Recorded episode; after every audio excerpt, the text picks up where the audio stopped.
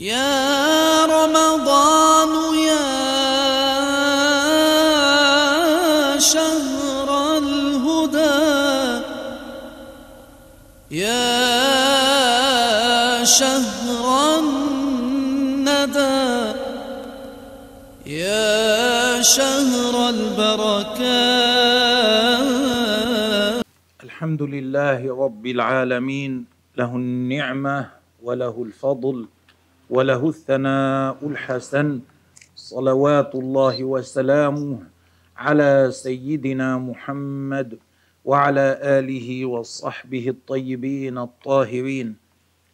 الله يوفقنا لما يحبه ويرضاه. نكمل الكلام إن شاء الله تعالى عن المعجزة. كنا بدأنا بالكلام عن المعجزة. اليوم نكمل الكلام بذكر بعض المعجزات التي حصلت لمن قبل سيدنا محمد صلى الله عليه وسلم.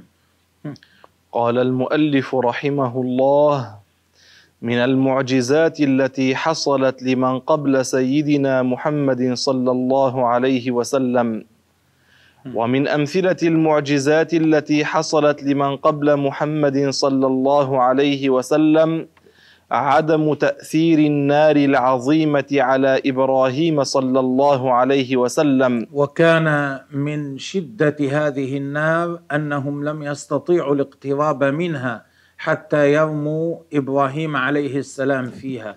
فرموه من بعيد لأنها كانت تحرق من بعيد من شدتها. نعم.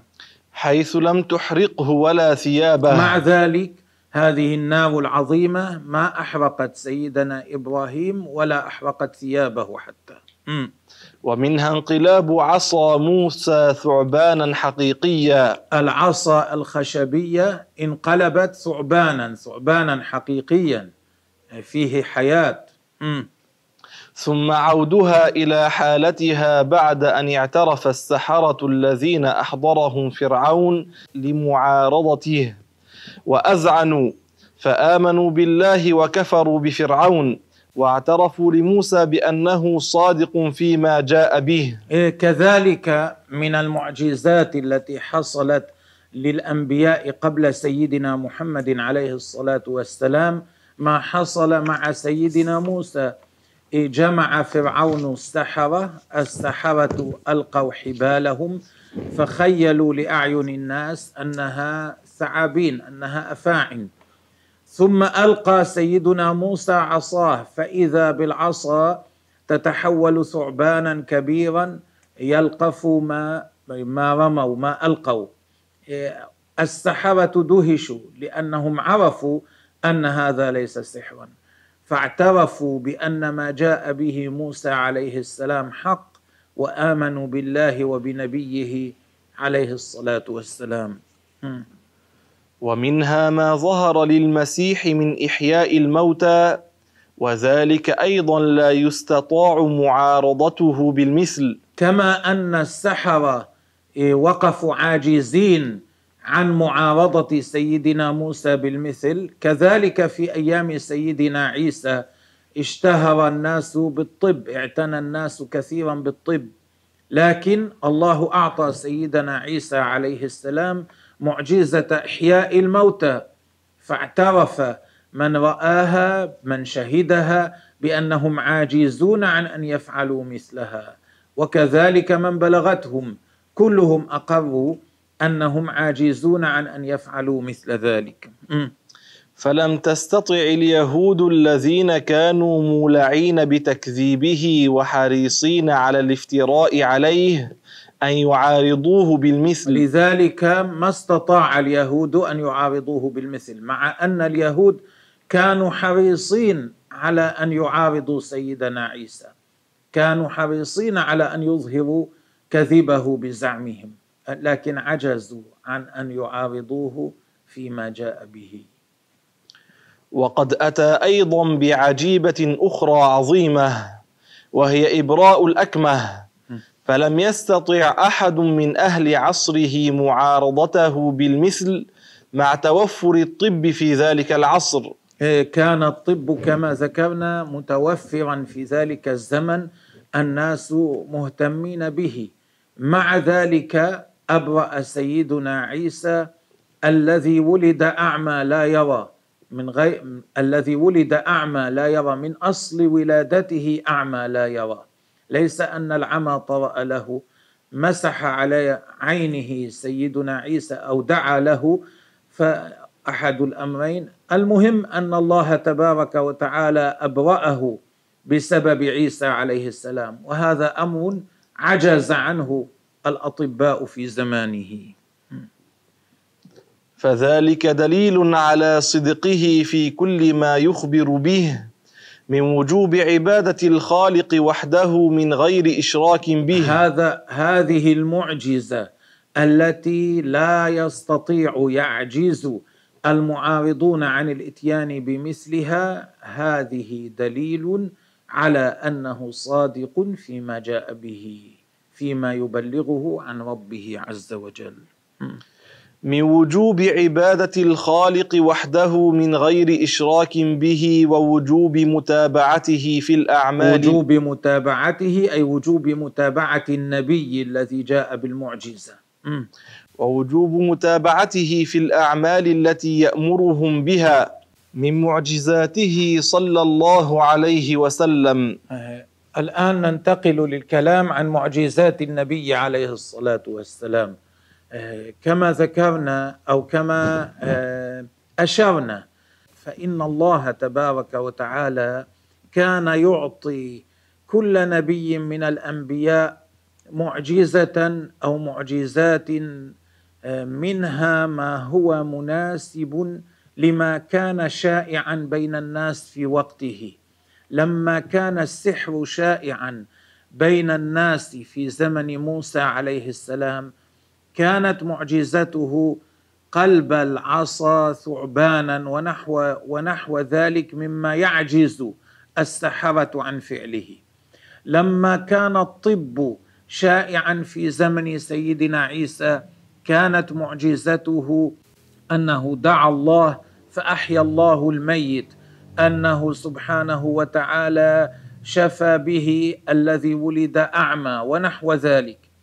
لما كانت الفصاحة والبلاغة هي التي اشتهر بها العرب في زمن النبي عليه الصلاة والسلام كانت معجزة النبي عليه الصلاة والسلام الأشهر والمعجزة الباقية على الأزمان بخلاف باقي معجزات الأنبياء المعجزة التي تبقى ويشاهدها الناس جيلا بعد جيل كانت هي القرآن الكريم الذي أعجز الفصحاء فكان عن أن يأتوا بمثله.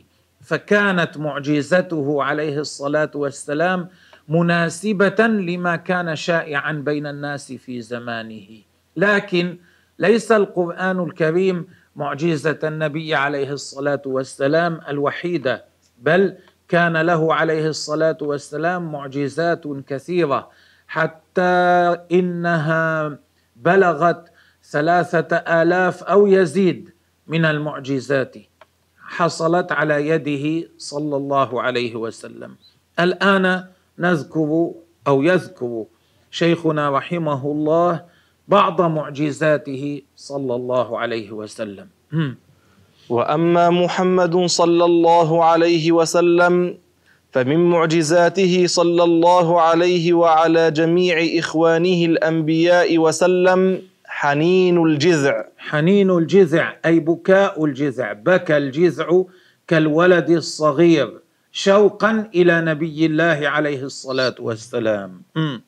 وذلك أن النبي صلى الله عليه وسلم كان يستند حين يخطب إلى جذع نخل في مسجده. إلى جذع نخل في مسجده قبل أن يعمل له المنبر. نعم قبل أن يعمل له الصحابة المنبر كان يخطب مستندا إلى جذع نخلة ميتة. كانت نخلة ميتة في المسجد فكان يستند إلى جذعها عليه الصلاة والسلام. فلما عمل له المنبر قال له الصحابة لو عملنا لك منبرا قال افعلوا إن شئتم فعملوا له المنبر. صعد صلى الله عليه وسلم عليه فبدأ بالخطبة وهو قائم على المنبر. فحن الجذع حتى بكى حن الجذع عند ذلك بكى الجذع مثل الطفل الصغير. فحن الجذع حتى سمع حنينه من في المسجد. فنزل رسول الله صلى الله عليه وسلم فالتزمه. أي ضمه واعتنقه فسكت. ضمه النبي عليه الصلاة والسلام فصار يسكت شيئا فشيئا كما يسكت الصبي الصغير شيئا فشيئا حتى هدأ. وإنما فعل النبي عليه الصلاة والسلام ذلك لأن الله جعل حياة في هذا الجذع. ليس روحا لكن حياة. بها صار له شوق إلى النبي عليه الصلاة والسلام وبها حن إليه. بعض السلف كان إذا روى هذا الحديث يقول يا ناس الجذع يحن إلى رسول الله صلى الله عليه وسلم فأنتم أولى بأن تحنوا. ومن معجزاته صلى الله عليه وسلم إنطاق العجماء أي البهيمة. العجماء البهيمة التي لا تنطق لا تتكلم. روى الإمام أحمد والبيهقي بإسناد صحيح من حديث يعلى بن مرة الثقفي قال بينما نسير مع النبي صلى الله عليه وسلم إذ مر بنا بعير يسنى عليه. إيه، مر بالنبي عليه الصلاة والسلام جمل يسنى عليه يعني ينقل الماء عليه. هذا معناه يسنى عليه ينقل الماء عليه. م. فلما رآه البعير جرجر أصدر صوتا من عنقه. لما رآه لما رأى البعير النبي عليه الصلاة والسلام جرجر أصدر صوتا من عنقه. نعم. فلما رآه البعير جرجر فوضع جيرانه. فوضع جيرانه يعني خفض رأسه خفض مقدم عنقه. فوقف عليه النبي صلى الله عليه وسلم. وقف عليه ليس معناه صعد عليه وقف عليه أي عنده وقف عنده النبي صلى الله عليه وسلم. فقال أين صاحب هذا البعير؟ إيه، سأل من يملك هذا البعير؟ أين مالكه؟ فجاءه فقال بعنيه. قال النبي عليه الصلاة والسلام بعني هذا البعير. فقال بل نهبه لك يا رسول الله وإنه لأهل بيت ما لهم معيشة غيره. إيه، قال يا رسول الله لا نبيعك نحن نعطيك إياه هدية مع أنه ليس لنا معيشة إلا من هذا البعير. فقال النبي أما ما ذكرت من أمره آه، فإن يعني بعد أن ذكر له ذلك النبي ما عاد أراد أن يشتريه. لأن معيشة هذا البيت منه ما عاد يريد شراءه. فقال أما ما ذكرت من أمره نعم. فإنه شكى كثرة العمل وقلة العلف فأحسنوا إليه. أنت ذكرت أنك أن معيشتكم منه. فالذي أقوله لكم إنه يشكو كثرة العمل وقلة العلف فلا تعاملوه هكذا. أعطوه من الطعام ما يكفي ولا تكثروا عليه العمل بحيث ترهقوه. أحسنوا إليه. وأخرج ابن شاهين في دلائل النبوة. ففهم النبي عليه الصلاة والسلام من البعير شكواه. نعم. وأخرج ابن شاهين في دلائل النبوة. عن عبد الله بن جعفر أنه قال أردفني رسول الله صلى الله عليه وسلم ذات يوم خلفه. أردفني يعني أركبني على البعير خلفه. هذا معنى أردفني. فدخل وكان عبد الله بن جعفر صغير السن. ما كان رجلا كبيرا غلاما. فدخل حائط رجل من الأنصار. الحائط معناه البستان. دخل بستان رجل من الأنصار. فإذا جمل وجد هناك جملا. فإذا جمل فلما رأى النبي صلى الله عليه وسلم حن حن بكى يعني. حن فذرفت عيناه. نزل الدمع من عينيه. فأتاه النبي صلى الله عليه وسلم فمسح ذفراه فسكن. الذفرة أصل أصل الأذن. مسح ذفراه أي مسح أصل أذنه. صلى الله عليه وسلم فسكن. وضع يده على أصل أذنه فسكن البعير. ثم قال من رب هذا الجمل؟ من صاحبه؟ ربه يعني مالكه. فجاء فتى من الأنصار فقال هذا لي. نعم. فقال ألا تتقي الله في هذه البهيمة التي ملكك الله إياها؟ فإنه شكا إلي أنك تجيعه وتدئبه إيه، كذلك هذا الجمل شكا إلى النبي عليه الصلاة والسلام أن صاحبه يجيعه ويتعبه في العمل.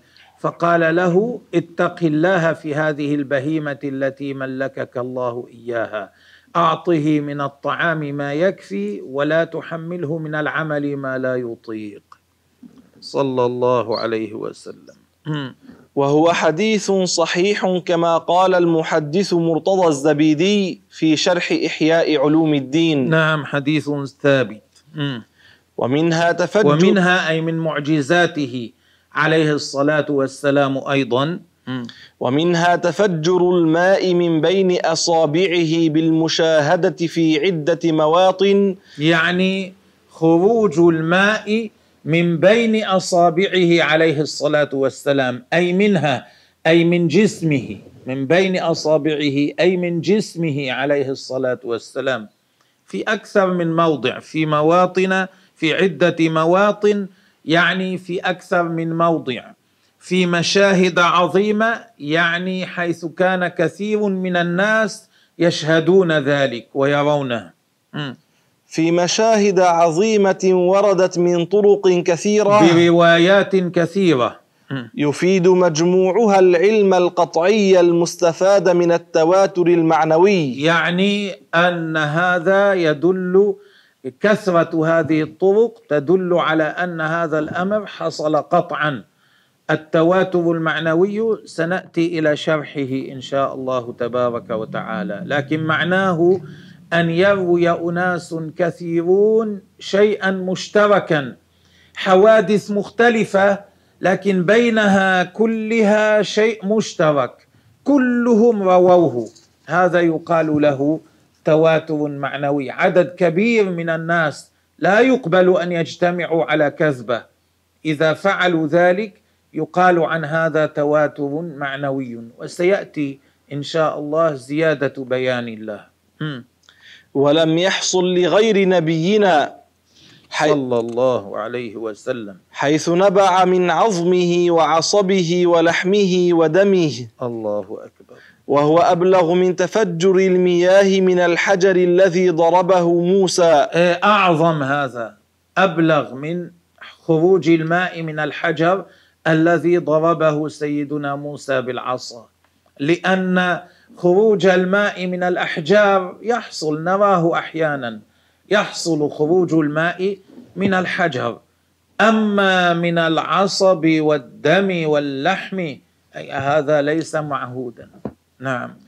لأن خروج الماء من الحجارة معهود بخلافه من بين اللحم والدم. نعم.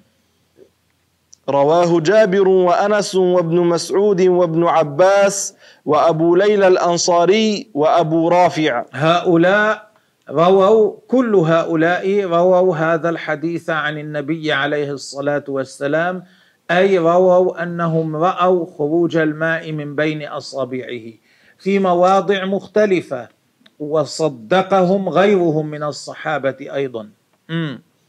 وقد أخرج الشيخان من حديث أنس. هذا مثال عما رووه. مم. رأيت رسول الله صلى الله عليه وسلم وحانت صلاة العصر. صار, صار وقت صلاة العصر. فالتمس الناس الوضوء. طلب الناس الماء الذي يتوضؤون به الوضوء بفتح الواو معناه ما يتوضأ به الماء الذي يتوضأ به. فلم يجدوه. ما كانوا يجدون ماء. فأتي رسول الله صلى الله عليه وسلم بوضوء. أن جيء النبي عليه الصلاة والسلام بإناء فيه بعض الماء شيء قليل من الماء. جيء به أتي به إليه. فوضع رسول الله صلى الله عليه وسلم في ذلك الإناء يده. أدخل يده في الإناء. وأمر الناس أن يتوضأوا منه. ثم قال للناس توضأوا من هذا الإناء. فرأيت الماء ينبع من تحت أصابعه. إيه، صار الماء ينبع من أصابعه عليه الصلاة والسلام في الإناء. والناس يتوضؤون من هذا الماء وكلما أخذوا الماء يخرج. كلما أخذوا الماء يخرج من أصابعه عليه الصلاة والسلام. فتوضأ الناس حتى توضأوا من عند آخرهم. حتى توضأوا كلهم. من هذا الإناء الذي كان وضع النبي عليه الصلاة والسلام يده فيه. وفي رواية للبخاري قال الراوي لأنس كم كنتم؟ قال ثلاثمائة. آه، بعض الذين سمعوا هذا من أنس قالوا له كم كنتم يومها؟ قال ثلاثمائة إنسان. كلهم توضأوا من هذا الماء الذي نبع من بين أصابع النبي عليه الصلاة والسلام. وروى البخاري ومسلم من حديث جابر أيضا عطش الناس يوم الحديبية. إيه. هذا هذه مرة أخرى غير المرة السابقة. هذه مرة ثانية يوم الحديبية. نعم. وكان رسول كان النبي عليه الصلاة والسلام ذاهبا إلى الحج ثم الكفار أرادوا منعه من الحج ثم وقع تفاوض بينه وبينهم ثم اتفقوا على هدنة وأن يرجع النبي عليه الصلاة والسلام للحج في السنة القابلة. هذا الأمر يقال له الحديبية. هذا الأمر تم في مكان يقال له الحديبية. هذا المراد في ذلك الوقت. وكان رسول الله صلى الله عليه وسلم بين يديه ركوة يتوضأ منها. في ذلك الوقت كان مع النبي عليه الصلاة والسلام نحو ألف وخمسمائة من الصحابة ولم يكن ولم يكن معهم سلاح مثل السلاح الذي يؤخذ إلى الحرب إنما كان معهم ما يأخذه المسافر عادة إلى ما يأخذه المسافر عادة في سفره لأنه عليه الصلاة والسلام ما أراد أن يذهب محاربا إنما أراد الحج. لكن المشركين ما أرادوا ذلك وبلغ النبي والصحابة أنهم يريدون محاربته. لما سمع الصحابة ذلك بايعوا رسول الله صلى الله عليه وسلم على الثبات وعدم الفرار فيما لو هاجمهم المشركون. وكانت هذه البيعة تحت شجرة هناك. فهذه هي البيعة التي تسمى بيعة الشجرة. والتي أخبر الله تبارك وتعالى أنه رضي عن المؤمنين الذين بايعوه عليه الصلاة والسلام تحت الشجرة. لقد رضي المؤمن لقد لقد رضي الله عن عن المؤمنين إذ يبايعون لقد رضي الله عن المؤمنين إذ يبايعونك تحت الشجرة. هذه نزلت في ذلك الموطن في ذلك الحدث الذي حصل تحت تلك الشجره في ذلك الوقت الذين كانوا مع النبي عليه الصلاة والسلام عطشوا. ما عندهم ماء ليشربوا. وكان رسول الله صلى الله عليه وسلم بين يديه ركوة يتوضأ منها. إناء صغير يتوضأ منه. فجهش الناس. أقبل الناس إليه. فقال ما لكم؟ لما رآهم اجتمعوا عنده قال ما بالكم؟ ما لكم؟ ما هو الأمر؟ فقالوا يا رسول الله ليس عندنا ما نتوضأ به ولا ما نشربه إلا ما بين يديك. لا يوجد لهذا الجمع الكبير شيء يشربونه ولا يتوضؤون به إلا ما بين يديك. نحن وقفنا بسبب الكفار في مكان لا ماء فيه ما عندنا ماء لا للوضوء ولا للشرب. فوضع يده في الركوة فجعل الماء يفور من بين أصابعه كأمثال العيون. فوضع النبي عليه الصلاة والسلام يده في هذه الركوة صار الماء يخرج من بين أصابعه مثل العيون في قوته. فشربنا وتوضأنا. كلهم شربوا وتوضأوا. فقيل كم كنتم؟ سأل بعض الناس جابرا كم كنتم في ذلك اليوم؟ قال لو كنا مئة ألف لكفانا. آه، لا تسل كم كنا لو كنا مئة ألف لكان هذا الماء كفانا.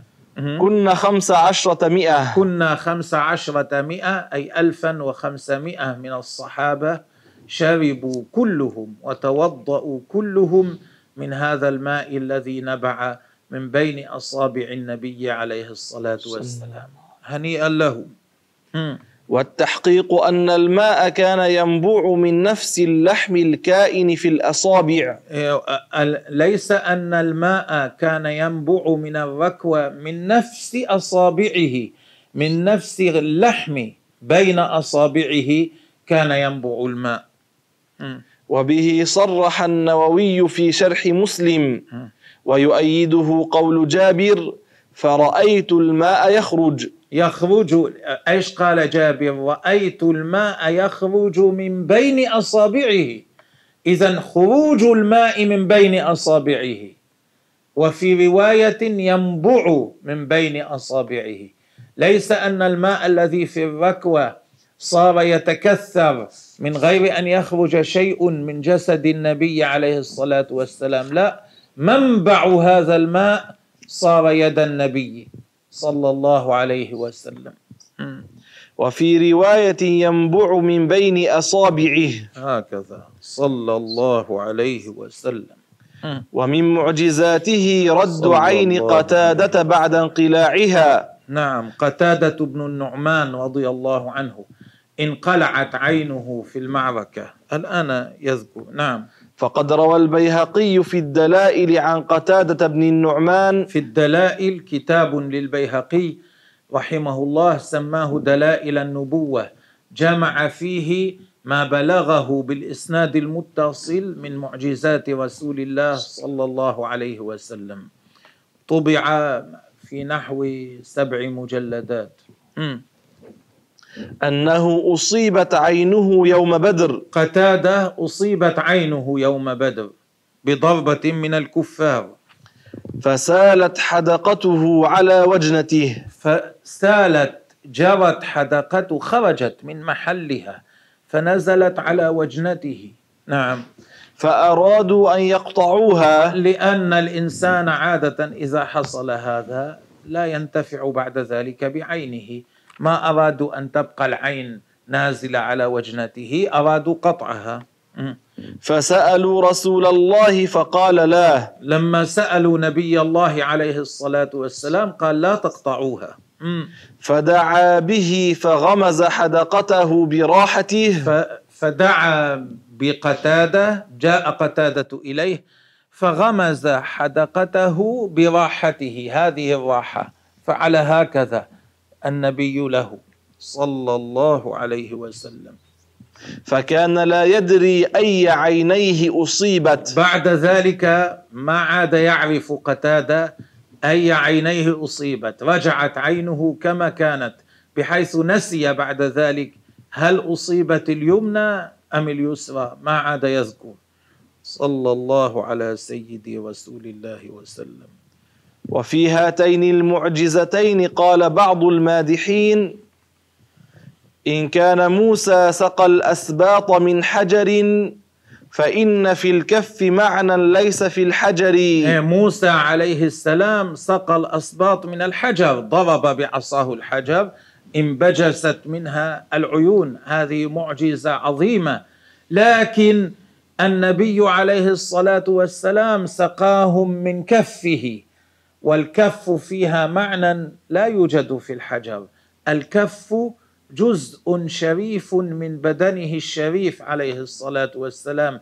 منه نبع الماء وليس معتادا أن يرى الماء ليس معهودا أن يرى الماء ينبع من بين اللحم والعظم والدم. إن كان عيسى برى الأعمى بدعوته فكم براحته قد رد من بصري. نعم إذا كان عيسى عليه السلام أبرأ الأعمى بدعوته برى يعني أبرأ شفى. إذا كان عيسى شفى بإذن الله الأعمى بدعائه النبي عليه الصلاة والسلام براحته الشريفة رد البصر إلى عين قتادة. عيسى عليه السلام كانت العين ما زالت مكانها معجزة عظيمة لعيسى لكن كانت العين ما زالت مكانها. أما عين قتادة كانت خرجت فالنبي عليه الصلاة والسلام غمزها براحته فردها إلى مكانها فأبصر. قتادة رضي الله تعالى عنه. يعني أن هاتين المعجزتين أعظم من المعجزتين اللتين حصلتا لموسى وعيسى عليهما صلاة الله وسلامه. ومن معجزاته تسبيح الطعام في يده. كان أحيانا الص- الصحابة يسمعون الطعام يقول سبحان الله في يد النبي عليه الصلاة والسلام بلفظ عربي صحيح.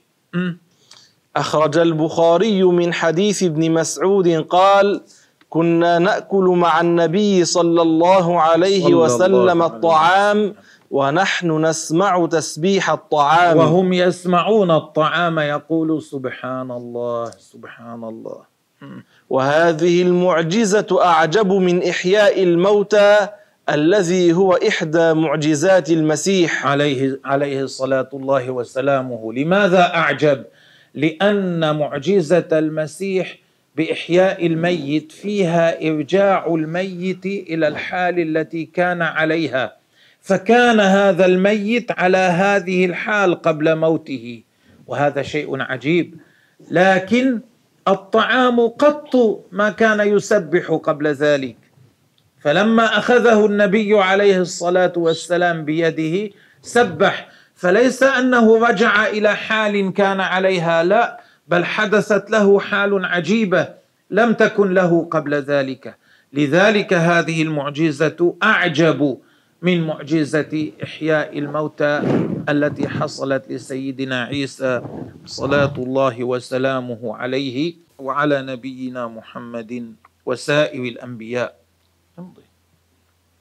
ومن معجزاته صلى الله عليه وسلم الإسراء والمعراج نعم الإسراء أيضا سبب- هذا من معجزات نبي الله صلى الله عليه وسلم الإسراء ثبت بنص القرآن والحديث الصحيح فيجب الإيمان. الله تعالى قال سبحان الذي أسرى بعبده ليلا من المسجد الحرام إلى المسجد الأقصى الذي باركنا الذي باركنا حوله لنريه من آياتنا. لابد يجب الإيمان بأن الإسراء حصل لرسول الله صلى الله عليه وسلم. نعم. الإسراء ثبت بنص القرآن والحديث الصحيح فيجب الإيمان بأنه صلى الله عليه وسلم أسرى الله به ليلا من مكة إلى المسجد الأقصى. هكذا. الله تعالى أسرى بالنبي. الإسراء هو السير في الليل.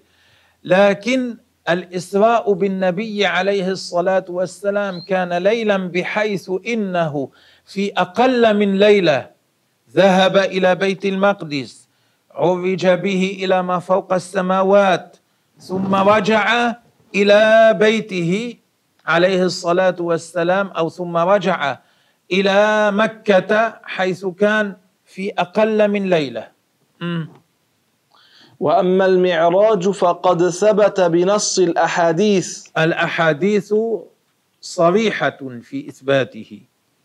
وأما القرآن فلم ينص عليه نصا صريحا لا يحتمل تأويلا.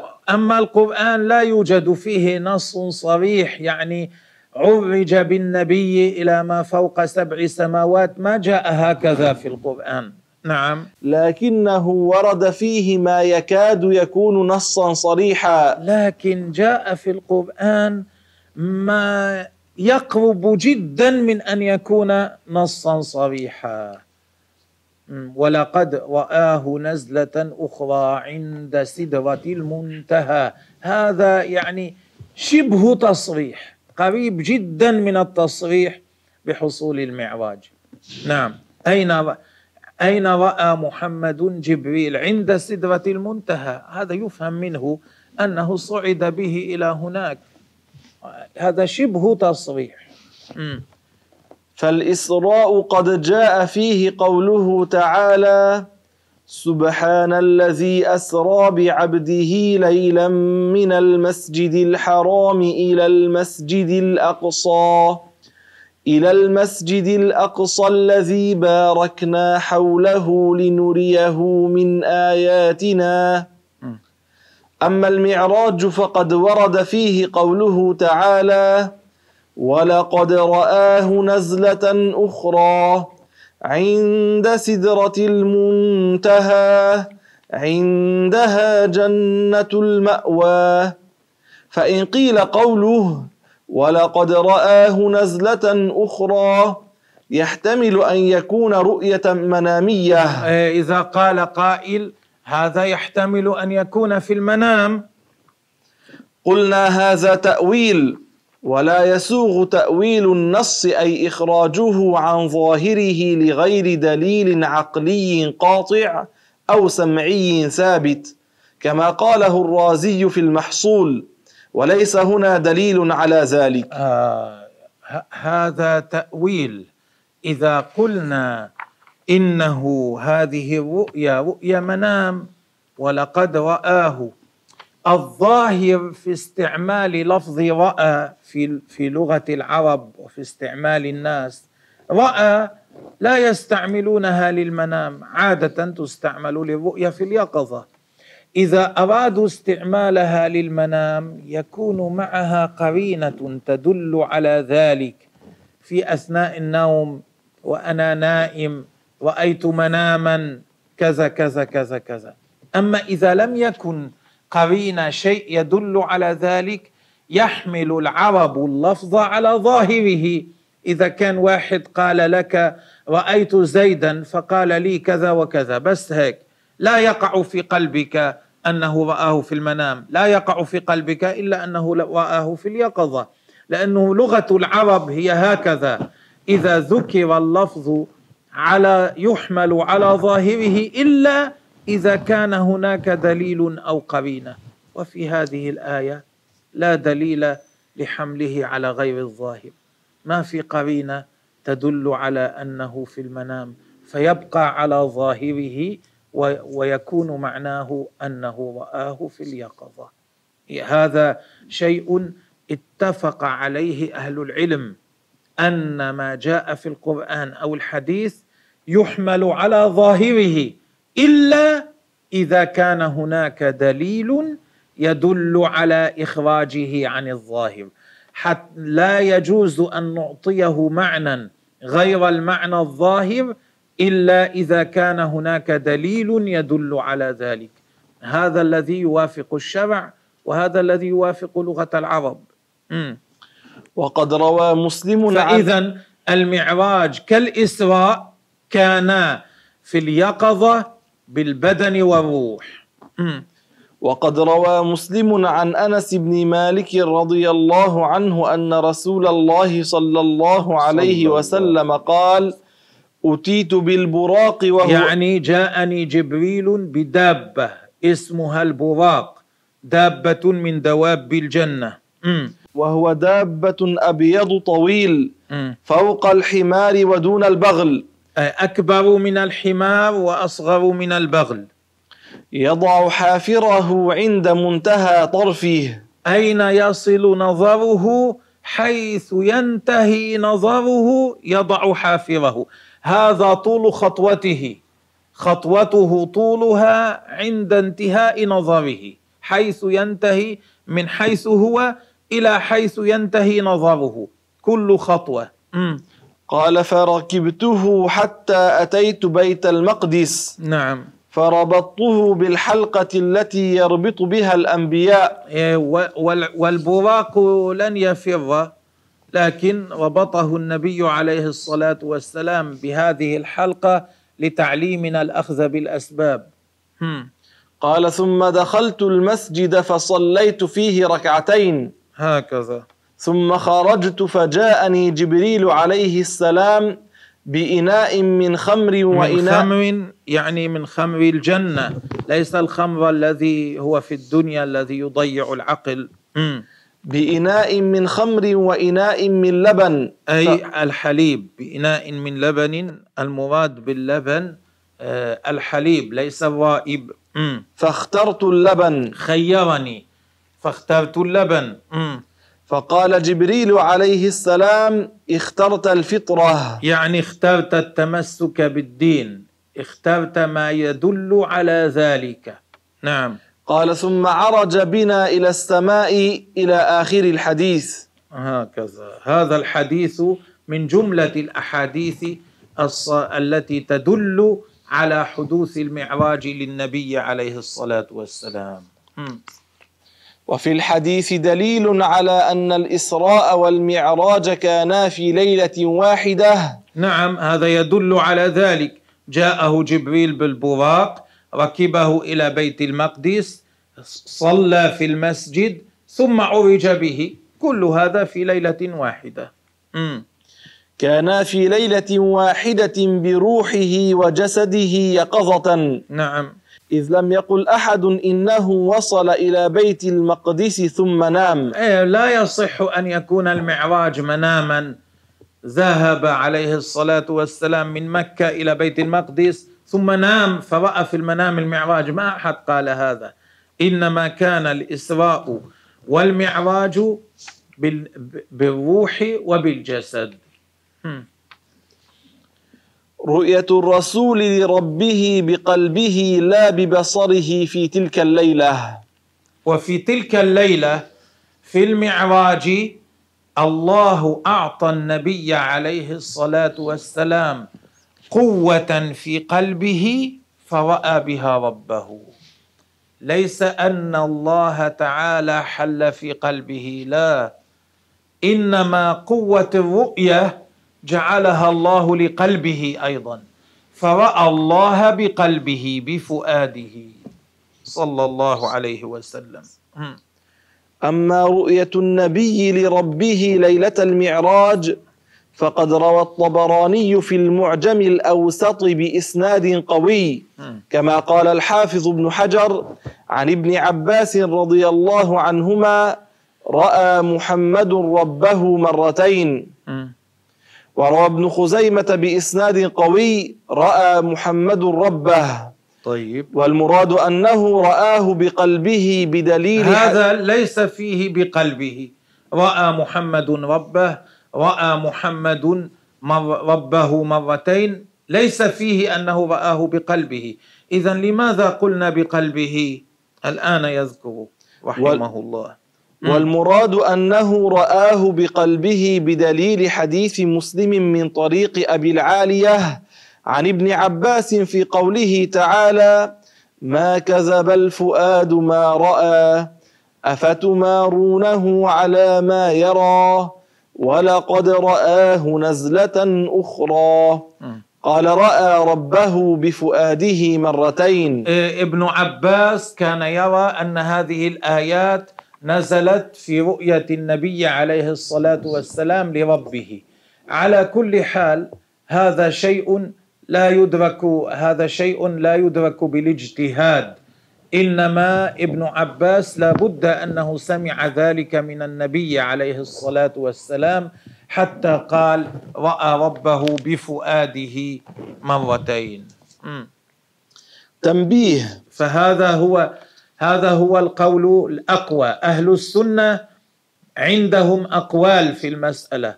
قول أن النبي عليه الصلاة والسلام ما رأى ربه ليلة المعراج. وقول أنه رأى ربه بعيني رأسه. أعطاه الله قوة في عيني رأسه فرأى ربه الذي لا يشبه شيئا. ليس كما يرى المخلوق. لا في جهة أمام ولا خلف ولا فوق ولا تحت ولا يمين ولا شمال. رآه ليس كمثله شيء لا نتخيل ذلك. وقول ثالث أنه رأى ربه بقلبه. وهذا القول الثالث هو الذي قال به ابن عباس وأبو ذر رضي الله عنهما وهو الأقوى من حيث الدليل. تنبيه.